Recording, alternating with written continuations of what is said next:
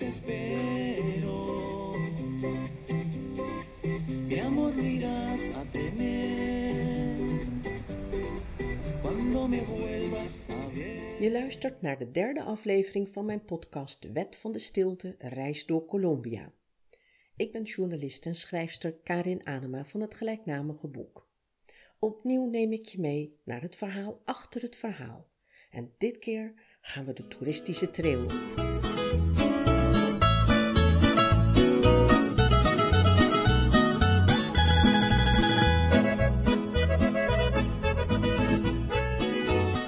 Cocaïne en Colombia worden vaak in één adem genoemd, zoals kop en schotel. Het hoort bij elkaar. 1 op de 25 Nederlanders heeft ervaring met cocaïne.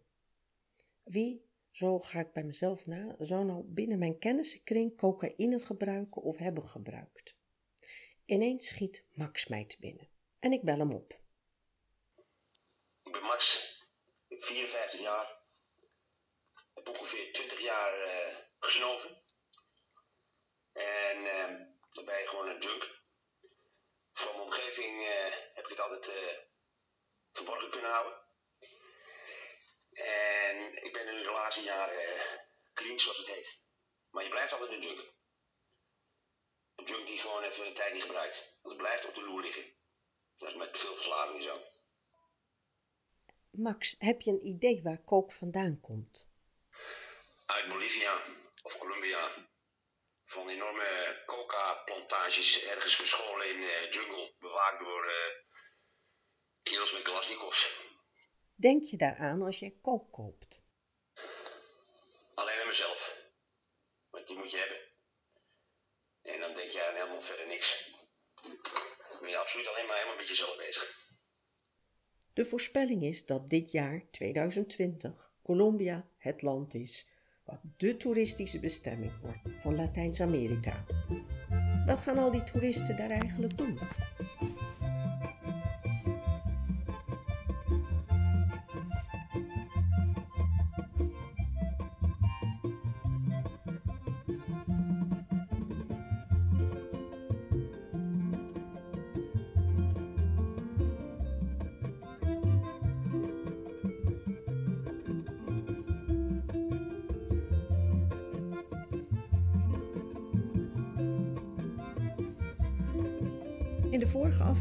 Hoorde je dat ik werd uitgenodigd voor iets wat ik nauwelijks kon geloven.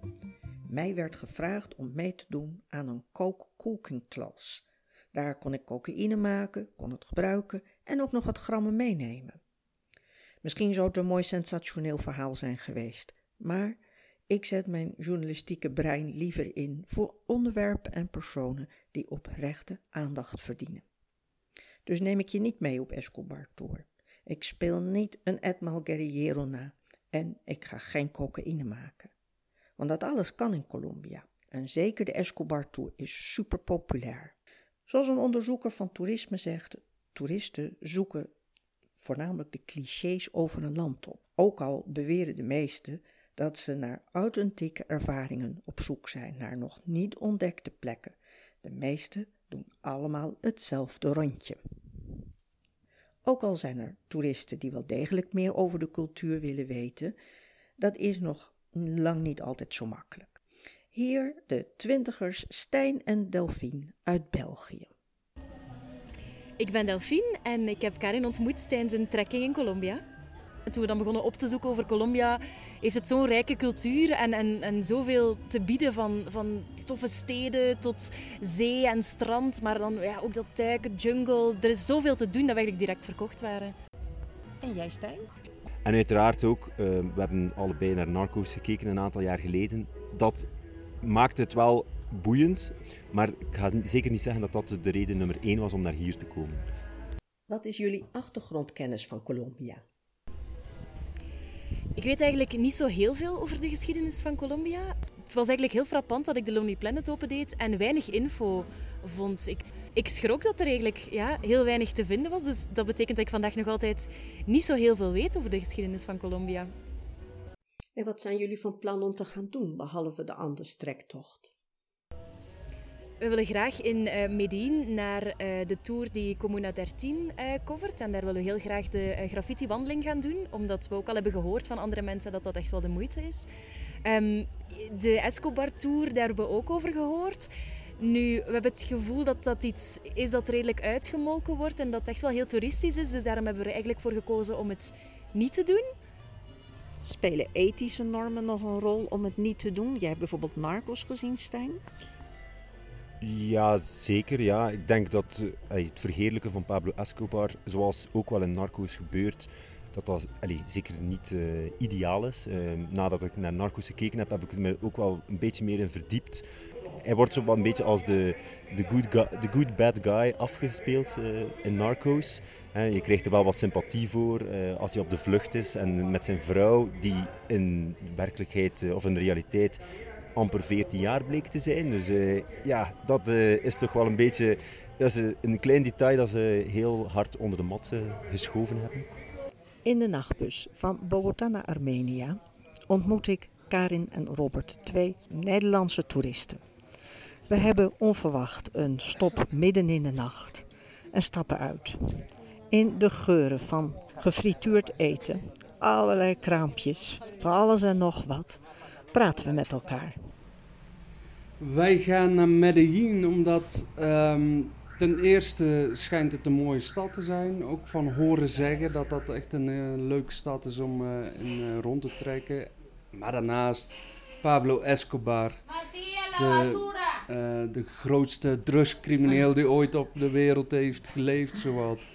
Die, um, die heeft, die, daar is de stad van bekend, het Medellin kartel. En daar zijn allerlei tours over en die willen wij heel graag zien. Puur en alleen omdat hij zo'n grote drugscrimineel was. Karin, nou ben jij jurist. Hè? Hoe vind jij dat vanuit je vak om een Pablo Escobar tour te doen? Uh, nee, ik vind het juist ook wel vanuit mijn vak. Nee, ja, ben ik er ook wel in geïnteresseerd hoe dat dan, uh, ja, ja, ja, juist hoe dat dan gaat. Hoe, die, die, hoe, hoe hij zo groot is geworden, een groot uh, crimineel. En vooral nu we ook in, in Nederland eigenlijk daar steeds meer mee te maken hebben. Het is nu heel actueel. Ik weet niet, afgelopen week is er een advocaat uh, vermoord in Nederland. Wat ook al met drugscriminaliteit te maken heeft. Dus nou juist, uh, nou ja, van mijn vak denk ik, het wordt, ja, we krijgen er over de hele wereld en wordt het steeds, denk ik, ook niet steeds erger. En ja, in die zin is het dan ook wel interessant hoe dat hier gegaan is. Zeg maar.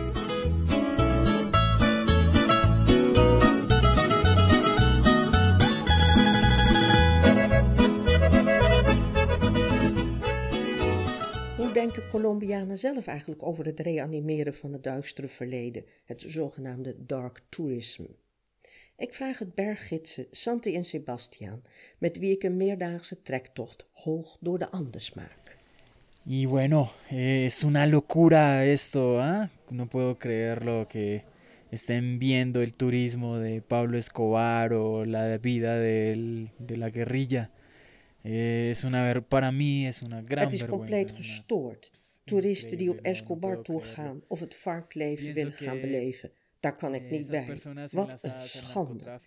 Terwijl deze narco's zoveel schade hebben aangericht. En Sebastian zegt het volgende. Personalmente pienso que es la peor forma de promocionar nuestro país, porque es promocionar todo lo malo que hemos sido y que quisiéramos dejar atrás. Dat soort narcotoerisme vind ik vreselijk. Het is de slechtste manier om ons land te promoten. Het stimuleert het gebruik van kook en het stimuleert ook nog eens een keer de productie ervan. Het schaadt onze cultuur en het imago van ons land. Aan narcotoerisme zit niets positiefs. In Medellin verdient de rechterhand van Escobar grof geld met narcotoerisme. En elders kun je kook leren maken in illegale labs. Als gids, als berggids wil ik totaal iets anders belichten, zoals verantwoord met de natuur en de cultuur omgaan. Ecotourisme dus, ook al staat dat nog in de kinderschool. Laura, geen berggids, maar de jonge vrouw die we in de vorige aflevering hebben gehoord en als meisje zeven maanden ontvoerd was door de vark, juichte toe dat toeristen nu eindelijk haar land kunnen bezoeken wat zo lang te onveilig was. Queremos un turismo que venga a ver cómo crece este país, la cultura, que visite sus playas, sus paisajes espectaculares, que vea las bailes que tenemos, la comida, que lea nuestros libros, que pasee. Maar ze roept de toeristen ook op om dat verantwoord te doen, met respect. En niet om het geweld te idealiseren, noch de guerrilla, noch de kartels. Laten ze komen voor de literatuur, voor het dansen, voor de prachtige landschappen, zegt ze. En niet waar ons land bekend om is, de drugs, de kartels, de guerrilla, het geweld.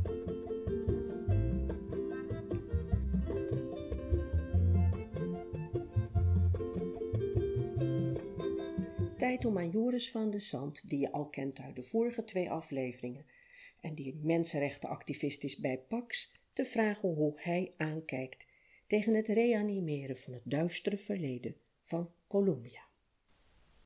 Mm, ik vind het smakeloos persoonlijk. Uh, of tegen het smakeloze aanzetten. Ik bedoel, ik kan me best voorstellen dat het bezoeken van een guerrillakamp of zo, uh, of dat, uh, en dat, dat, dat, dat het nog enige educatieve waarde heeft en dat het ook interessant is en leerzaam misschien, maar, maar het verheerlijken van het narco-geweld of de, de Pablo Escobar Tour of een, een cooking class, dat vind ik vrij smakeloos. Dan heb je als je het hebt over het bezoeken van een guerrero-kamp, aan, aan wat voor soort bezoek denk je dan? Wat zouden ze dan laten zien in jouw verbeelding? Of zouden ze moeten laten zien? Ik denk dat ze dan uh, zouden kunnen laten zien um, ja, hoe rare plaatsen dat soms zijn. Uh, aan de ene kant eh, zijn, ja, kun je ook dan merken hoe, hoe primitief het is en hoe af, ver afgelegen en hoe erbarmelijke omstandigheden die guerrilleros hebben geleefd. Maar er zijn ook plaatsen waar bijvoorbeeld waar het gebied van die vark waren zo'n zo lange tijd eigenlijk waar zij het voor het zeggen hadden. Waar je ziet dat de varkcommandanten daar hele luxe huizen hebben gebouwd.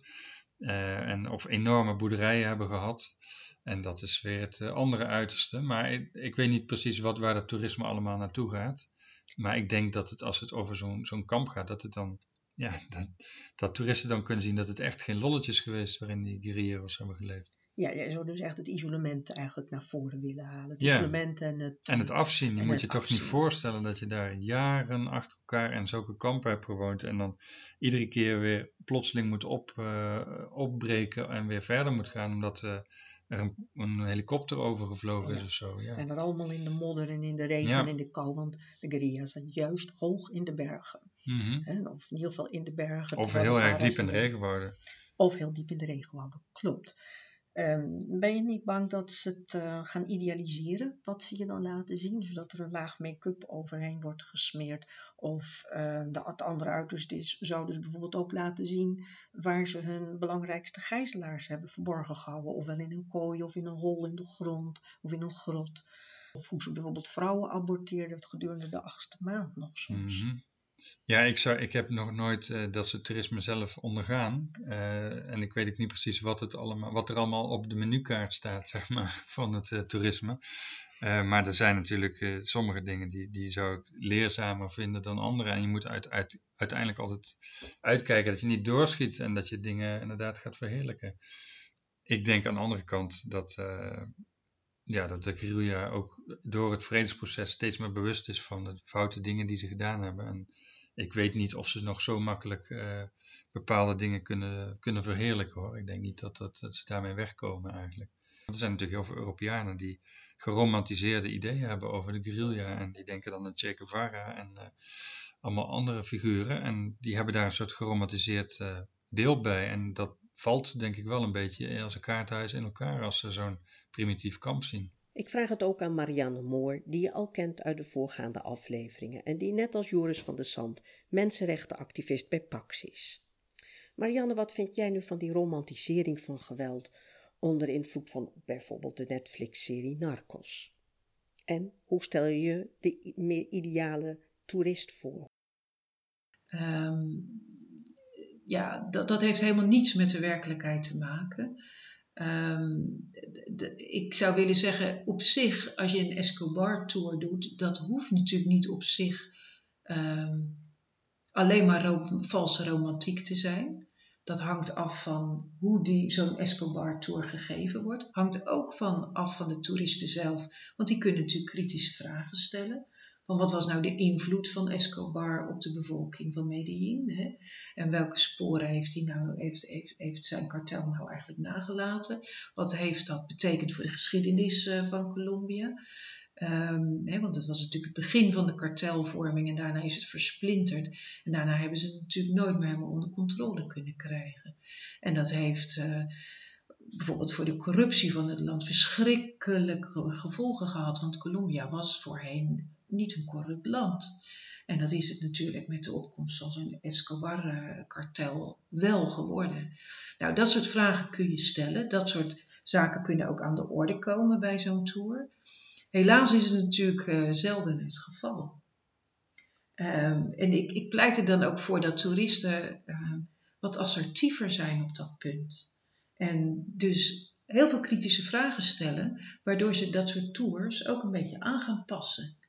Precies, want de tours worden nu gegeven door de handlangers van Escobar.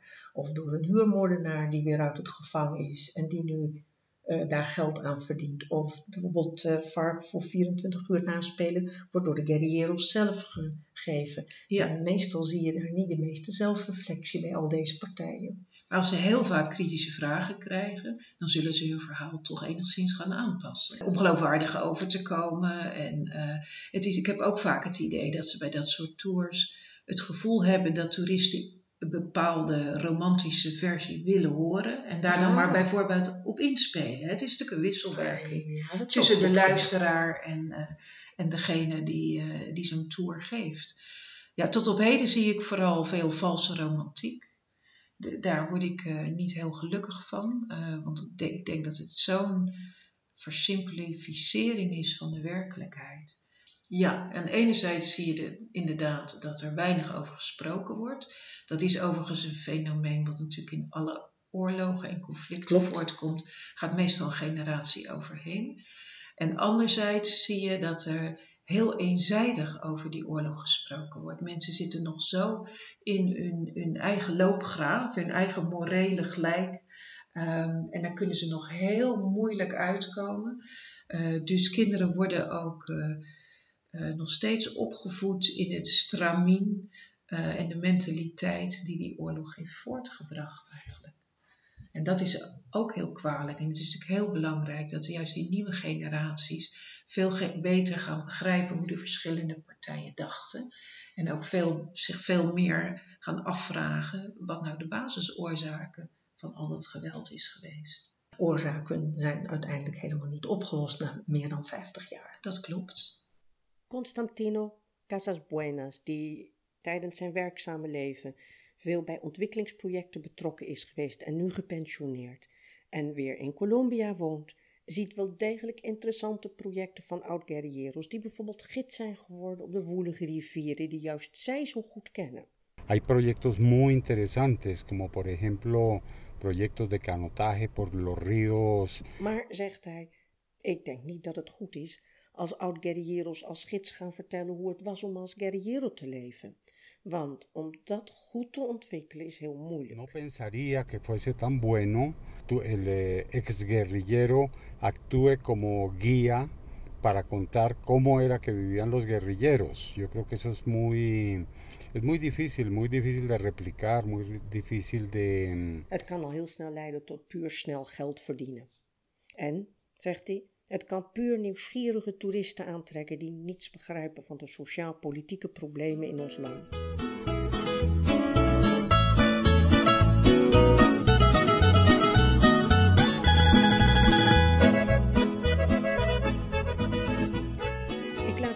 Tourism even voor wat het is en neem je nu mee naar de toeristisch zeer geliefde provincie Boyacá met onder andere koloniale dorpen zoals Villa de Leyva, hier een audio die ik ter plekke heb opgenomen.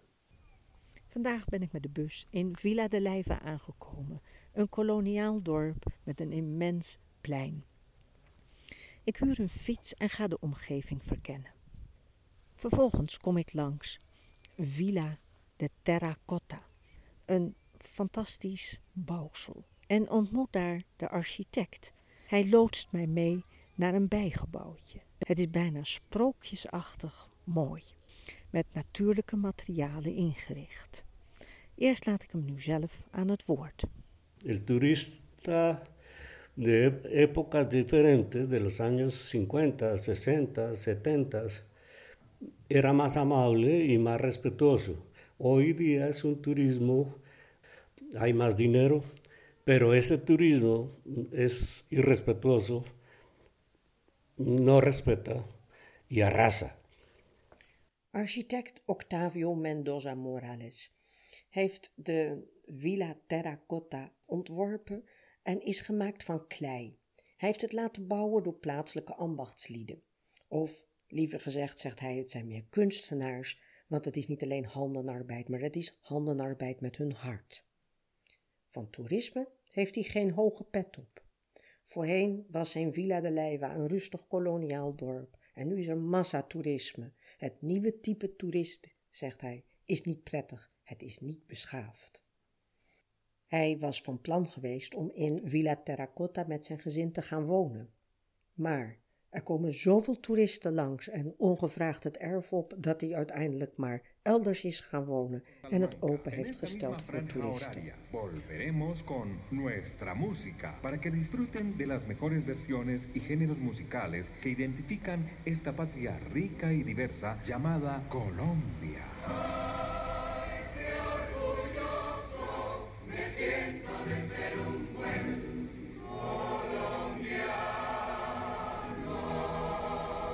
Continúen en compañía de la mejor y más educativa programación que les brinda Colboy FM Stereo 102.6, emisora de interés público educativa del Colegio de Boyacá. Op dezelfde locatie ontmoet ik Cecilia, zij is psychologe, en Yolanda, die lerares is. Ik heb hun eerder ontmoet op de Ciudad Perdida Tour. De tour van vier, vijf dagen naar de verloren stad in het noorden van Colombia. Ik ken ze uh, met sportieve kleding en uh, s'avonds in pyjama. Nu komen daar twee echte dames aan, opgemaakt met nette kleding, uh, mooie accessoires en sieraden. We hebben een goed gesprek over de koloniale mentaliteit. Is die er wel of niet? La mentalidad colonial despierta en nosotros un sentimiento de rabia, de dolor por toda la herencia eh, mala. Jolanda zegt, het roept bij mij woede en pijn op als zij aan de koloniale overheersing denkt. Zij ziet vooral de slechte erfenis van de Spanjaarden. Ze zegt, ze zijn beroofd van hun eigen cultuur, van hun identiteit. Pero, pero Yolanda, en cuanto a la pregunta que eh, Karin nos hace, yo diría que no todo es malo. Pensemos que el, los aborígenes eh, de los, nuestros antepasados estaban en unas condiciones muy rudimentarias y llegaron. Maar haar vriendin Cecilia voert aan dat de inheemse ooit wel een erg ruwe cultuur hadden. En dat de Spanjaarden tenminste de beschaving hebben gebracht. Toch voegt ook Cecilia eraan toe dat de wortel van het geweld uit de tijd van de overheersing is gekomen. Het valt mij op dat Colombiaanse toeristen en Europese toeristen zo dol zijn op de koloniale architectuur, zoals de koloniale wijk in Bogota of het koloniale Cartagena of een wit dorp als Popayan of Villa de Leiva. Ik ga toch eens aan Joris van der Sand vragen. Joris van der Sand, de mensenrechtenactivist die we eerder hebben gehoord. Hoe zit dat? Heerst er soms toch nog een koloniale mentaliteit in Colombia, Joris? Ja, eh, op verschillende manieren denk ik dat dat zo is. Eh, in Colombia is een hele, ja, toch nog wel veel racisme in de samenleving. Dus mensen die uh, heel wit zijn uh, en of nog een, uh, een, directe afstamming hebben van de Spanjaarden of zo, of Spaanse families, die voelen zich toch vaak beter dan mensen die er veel inheemser uitzien, of veel Afro-Colombiaanser uitzien. Um, naar de inheemse volken, naar de Afro's, is, is gewoon nog heel veel discriminatie. Uh, maar het speelt ook, die koloniale houding is ook een beetje de, de houding van het centrum naar de regio's. Uh, de, Colombia is heel erg centralistisch georganiseerd. Uh, Bogota is echt het centrum van alles. En de, de provincies, de departementen aan de rand van Colombia zijn eigenlijk vaak gewoon wingewesten. En uh, dat is ook een hele, ja, in economische zin is een hele koloniale relatie eigenlijk. Tussen het centrum en de, en de randen. De periferie, ja. waar juist het gewapende conflict zich heeft uh, afgespeeld. In ieder geval ja. merendeels zich heeft afgespeeld. Ja, en heel veel van de uitbuiting, economische uitbuiting, gaat ook door middel van geweld. Hè? Dus er worden, boeren worden ontheemd uh, door gewapende actoren. En later komt daar een groot grondbezitter om het grond op te rapen, zeg maar. Of, of te de boel over te nemen en, uh, of een bedrijf om daar te investeren. Dus zo ja, wordt door het geweld worden ook economische uitbuitingsrelaties worden bestendigd of uh, nog erger gemaakt. Ik heb ook wel ervaren dat het uh, voor, het voor het gewin voor toeristische ontwikkeling wordt ingepikt. Of ja. dan is het eerder ingepikt en vervolgens wordt het ontwikkeld door ondernemers uit Bogota of uit Medellin of buitenlanders die op ingepikte grond toeristische projecten gaan ontwikkelen. Ja, dat zal zeker ook gebeurd zijn, denk ik. Ja. Er zijn zeker in, uh, in mooie, uh, echte authentieke Colombiaanse dorpen of stadjes uh, zijn ook mensen verdreven en, en en die hebben dan vaak de boel opgegeven omdat ze bedreigd worden en verkopen dan voor een uh, gunstig bedrag voor, de, voor degene die het overneemt uh, een huis. En daar wordt dan een of ander mooi hotel uh, of, een, of een restaurant begonnen.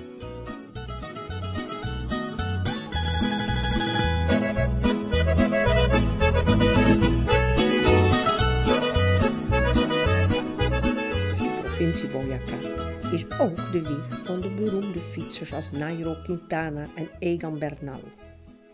Het is best leuk om vlakbij Tunja, ook een koloniaal stadje, het ouderlijk huis van Nairo te bezoeken. En vooral om daar de boeren te spreken die s'morgens vroeg al aan het bier zitten. De zaken gaan beter voor deze kleine aardappelboeren die allemaal een graantje proberen mee te pikken van de voorspoed van hun buurjongen. Hier een buurjongetje die het fietsen ook wel ziet zitten. Soy vecino, me llamo... Soy vecino de Nairo, me llamo Cristian Andrés Molina Cantor y me gusta montar cicla y quisiera ser como Nairo, de irme de Moniquirá hasta acá y devolverme. Y así quisiera ser como Nairo y que ganara todas las vueltas a España. Overigens vinden de Colombianen het fietsen veel meer iets voor de Europese toeristen dan voor henzelf. Want Colombianen houden in het algemeen veel meer van voetbal dan van fietsen. En dat is niet verwonderlijk, want Escobar was een groot voetbalfan, al was het maar om zijn zwarte geld wit te wassen. Nu we het toch over het sportieve toerisme hebben, dan kan je denken aan de langste klim ter wereld op de fiets door de Andes, of een trektocht door de Andes, of bijvoorbeeld een trektocht door de natuur in de Amazone. We gaan even terug naar het Nederlandse stel wat we helemaal in het begin van de um, aflevering hebben ontmoet, wat toen naar Medellin ging, maar ook de Amazone heeft bezocht. Uh, overigens waar ik zelf ook ben geweest, vanuit Letitia, een stukje de Amazone af. Hier de ervaring van Robert en Karin. En mijn indruk daar was van tevoren ik, ik ga het Amazone in. We, zijn daar vier, we hebben daar vier dagen in rondgetrokken. Heel veel leren over de biodiversiteit. Maar wat wij vooral geleerd hebben is hoe uh, de narco's daar te werk gaan, hoe heel de drugshandel in elkaar zit. Uh, en wat dat de mensen daar allemaal aandoet. En dat misschien wel 30 tot 40 procent van de, uh, het Amazonegebied daar direct of indirect betrokken is in heel die drugswereld.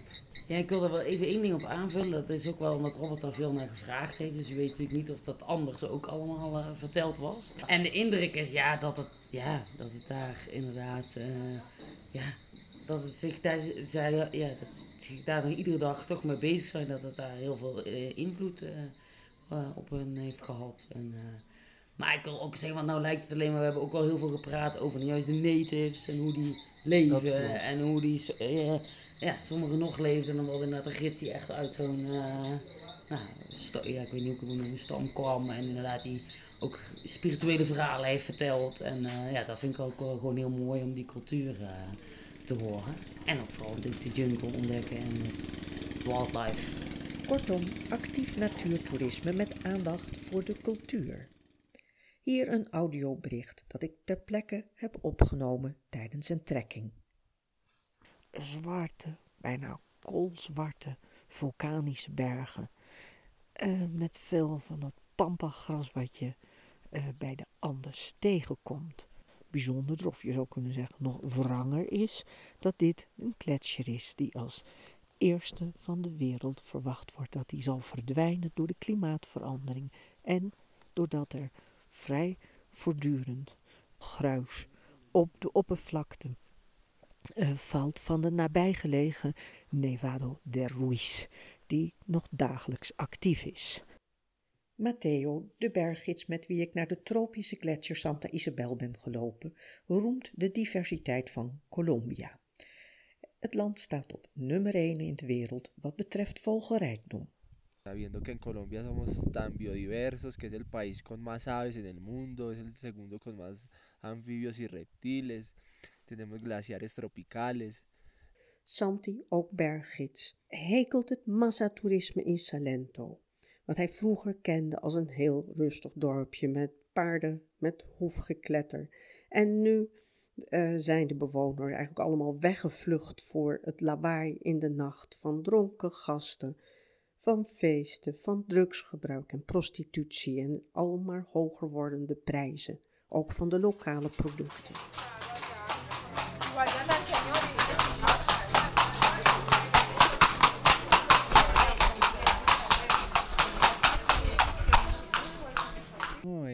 Bienvenidos son y y qué bueno que alimenten su corazón, su alma con, con estas actividades como en la montaña, en el Parque Natural de los Nevados que tenemos eh, tres glaciares, eh, muchos paramillos, ecosistemas de páramo.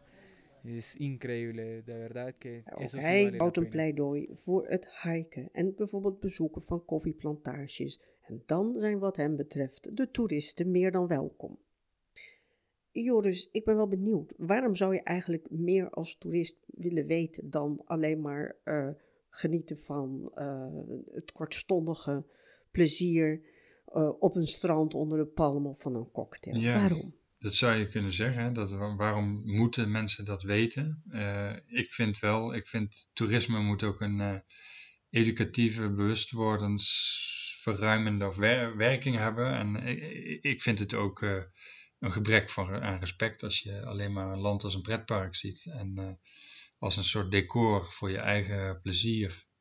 Uh, ik vind dat je eigenlijk, zeker naar de derde wereld, want laten we Colombia toch nog tot de derde wereld rekenen, dat je dan ja, verder moet kijken en je bewust moet zijn van de verschrikkelijke dingen die daar gebeurd zijn die ook te maken hebben met onze levens, omdat wij, ja, in, in Amsterdam wordt enorm veel kook uh, verhandeld en gebruikt. Bijvoorbeeld, nou, um, ik heb wel eens kook aangeboden gekregen op een feest vroeger. Uh, in Colombia? In, nee, in, in Amsterdam tijdens mijn studententijd.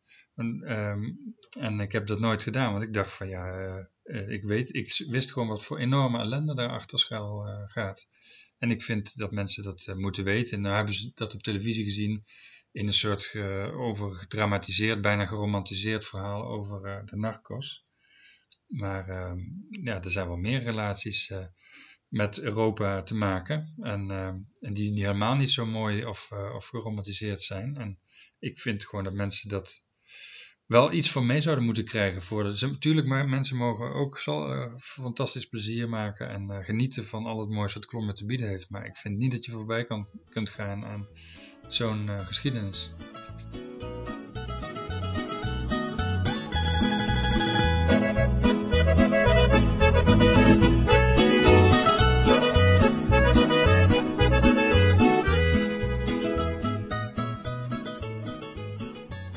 Dit was aflevering 3 van mijn podcast De Wet van de Stilte reis door Colombia.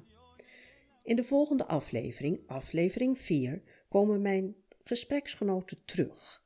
Wat betekent de wet van de stilte voor hen? Er komt één nieuwe ontmoeting bij en dat is de allerstilste. Tot ziens in aflevering 4.